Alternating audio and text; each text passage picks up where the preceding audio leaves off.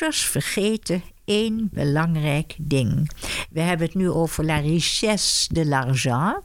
De rijkdom van het geld. We kunnen ons veel permitteren. Maar hoe zit het met het gevoelsleven? Hoe zit het met de verzorging van het geestelijke leven van het kind? Hoe zit het daarmee? Is Hanengekraai door Luc Drosten met Elisabeth Bierens de Haan.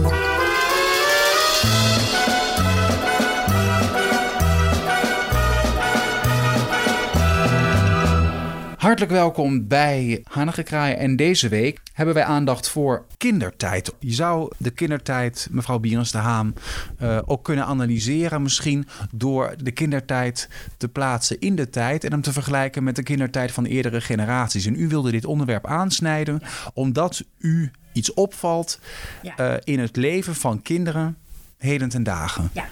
Wat heeft u te vertellen? Deze rubriek noem ik arme kinderen. Dat betekent, en daar heb ik eens een opstel over gemaakt toen ik op de cursus zat om stewardess te worden. En dat heb ik in het Frans gedaan, want dat moesten we in het Frans doen. Pauvres enfants. Pauvres enfants. La richesse de l'esprit, pauvresse de l'esprit, la richesse de l'argent en pauvresse de l'argent. De kinderen van vandaag hebben natuurlijk alles wat er is. Eh, mooie schoentjes, kleding. eh, ze hebben mooie iPads en ze hebben van alles. Je hoeft het maar te noemen. Een helm op je hoofd omdat je gaat skiën. En ze zijn. eh, en dat is ook logisch, want waarom zou dat kind het niet hebben? Maar daar zit iets aan verbonden. De vreugde. Toen ik vroeger een horloge kreeg, de oorlog was voorbij. En mijn vader kwam uit Brussel terug, die had zaken gedaan. En om half acht hoorde ik de sleutel in het slot.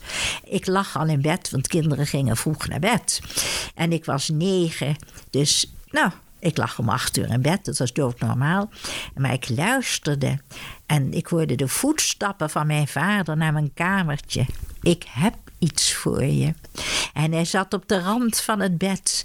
En daar komt een fluwelen grijs lang doosje tevoorschijn. En dat doosje gaat open. Ah, En ik zei: Papa.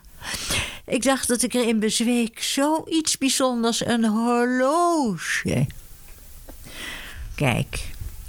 Ik was zo opgewonden. Het horloge ging uit de doos. En vader zei: Wees er voorzichtig mee. Het had een schattig bandje. Ik heb het de hele nacht opgewonden. Waardoor de volgende dag het horloge kapot was. Maar meneer Van der Tuin, de juwelier, heeft het weer gemaakt. Maar nu heeft een kind tien horloges. Gewoonste zaak van de wereld. Hoe kan het ook anders? Dus de opgewonden vreugde van. Ah, kleurpotloden. De oorlog was voorbij en we hadden geen kleurpotloden. Die hadden we niet. En ik zei: Mama, ik heb in de Beethovenstraat. heb ik heb ik eh, een mooie doos met kleurpotloden zien liggen. En eh, bij winter. En die wil ik hebben. Nou, zei moeder, is goed.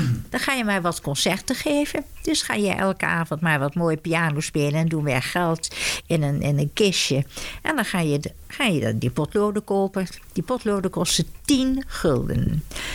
En na een maand had ik 10 gulden in mijn kistje... want vader deed er stiekem eventjes nog wat bij. Dus ik had 10 En ik ging op pad naar de Beethovenstraat en mijn moeder zei: Wat ga jij daar doen? Ik zeg: Ik ga een wandelingetje maken met het hondje, want na de oorlog kwam er een hondje.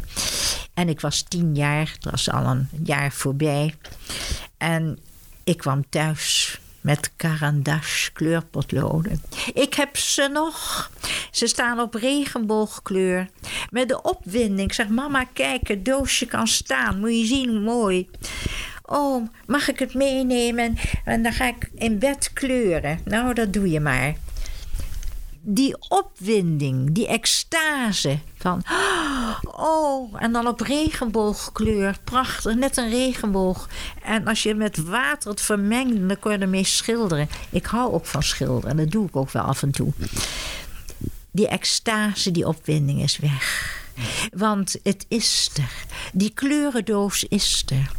En die kleurendoos is er niet alleen. Er zijn honderdduizend varianten van. En zo is het met veel dingen. Schoenen? Nee, 50 paar schoenen. Maar het is geen verwijt. Dat is hetgene delen. Maar de ouders vergeten één belangrijk ding. We hebben het nu over la richesse de l'argent. De rijkdom van het geld. We kunnen ons veel permitteren. Papa heeft een auto. Mama heeft weer wat anders. En de kinderen hebben allemaal mooie nieuwe jacketjes om te gaan skiën. Maar hoe zit het met het gevoelsleven? Hoe zit het met de verzorging van het geestelijke leven van het kind? Hoe zit het daarmee? Is de moeder, zit die af en toe eens even bij het kind met een lekker kopje echte soep? Het is koud en, en een lekkere unoxworst drijft erin en dat kind smikkelt en de haard is aan, want ze hebben de open haard even aangedaan. Dat is de rijkdom van het kleine, warme, het goede, het gezellige. En dan voeg ik daar even aan toe. Want dit heb ik nu aangestipt. Die kinderen komen dus tekort. Mijn man en ik kampeerden veel. En we hadden een reis gemaakt naar Vaison-la-Romaine. Een prachtig gedeelte van Frankrijk, Zuid-Frankrijk. En daar hebben we onze tent opgezet. Bij de Ouvèze, een prachtige rivier. En na een paar dagen zagen we daar een vreselijk leuk huis. Daar woonde Madame Bijne. Zij was de vrouw van de burgemeester. Maar die burgemeester werkte op het land. Het was er allemaal heel gemoedelijk. En toen zei ze: U bent dol op die meloenen. Die heb ik geplant. Er groeien allemaal meloenen. Melon pour madame. Dus ik kreeg een hele mand vol met meloenen. En toen zei ze tegen mijn man: Ik ben morgen jarig. Komt u in dat huis, wat u ziet, dat was zo'n huis gebouwd met die grote dikke stenen, hè, eh, op elkaar gezet, niet eens gemetseld, geloof ik. Een zalig boerenhuis, een soort molenaarswoning. En wij gingen s'avonds daar naartoe met een lief cadeautje. En daar zat de metselaar, daar zat de tuinman, daar zat weer iemand die groenten verbouwde, de groenteafdeling was er. En dit was een avond, de haard brandde. Het was niet een haard zoals we hier hebben, zo'n gearchiveerde haard. Dat was een haard uit de tijd van Mozart, 1740. Het was ook een oud huis. En daar zaten we in die niet al te grote behuizing, eenvoudig, boerenmeubels. En daar zaten we te genieten van de rijkdom van geest. De eenvoud, de rust, de stilte. Geen muziek. Helemaal niets. Alleen het knapperende haardvuur. Een vogel die af en toe zijn stem liet horen. Uh, het melodieuze gekabbel van de Franse stemmen. En dan verstond je de helft niet, hinderde niet. De melodie van de stemmen was mooi. En dat is de rijkdom van geest. En die mis ik in deze tijd. Denkt u dat veel ouders proberen om uh, op met, hè, met materialistische zaken eigenlijk het gebrek aan tijd en aandacht af te kopen bij hun kinderen? Ja, klopt. Ja. klopt. Ja. ja. En ziet u de toekomst wat dat betreft nog positief in of vreest u dat het alleen maar erger zal worden? tragisch ja. Grote tragische gebeurtenissen gaande. Ja. ja. ja.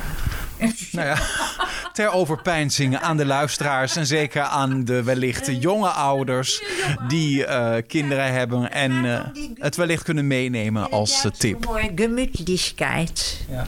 Cozy. En de Joden zeggen nages, dat is het Jiddische woord nages, gezelligheid. Wat is gezelligheid? Uh, gezelligheid is uh, met de kinderen spelletjes doen. We doen nog even Monopoly. We gaan even we, schaken. Hoef, dat kan je met z'n tweeën, maar we doen Monopoly met een stel. We gaan nog even mensen erger niet doen. En ik kan dus vertellen dat in de oorlog zaten wij om de tafel, vader, Jan, moeder en ik met z'n viertjes. En soms tante Fanny erbij, zuster van mijn grootmoeder. En dan gingen we dus Monopoly doen. En we gingen, eh, noem maar op, eh, ik spelen. Mensen erg je niet. En die gezelligheid, het was oorlog. De karbietlamp op tafel die stonk. We hadden weinig te eten. Maar we zaten met z'n vijf om die tafel. Warm. Het kleine potkacheltje wat mijn vader ergens gevonden had, dat loeide totdat het uitging. Dan ging, moesten we naar bed, want dan werd het te koud. Hè? Het verder, het was een flat, een appartement. Dus dat was dus de gezelligheid die ik in deze tijd mis. Ja, Zoals net gezegd, uh, wellicht kunnen uh, jonge ouders van nu uh, toch op een of andere manier die boodschap meenemen.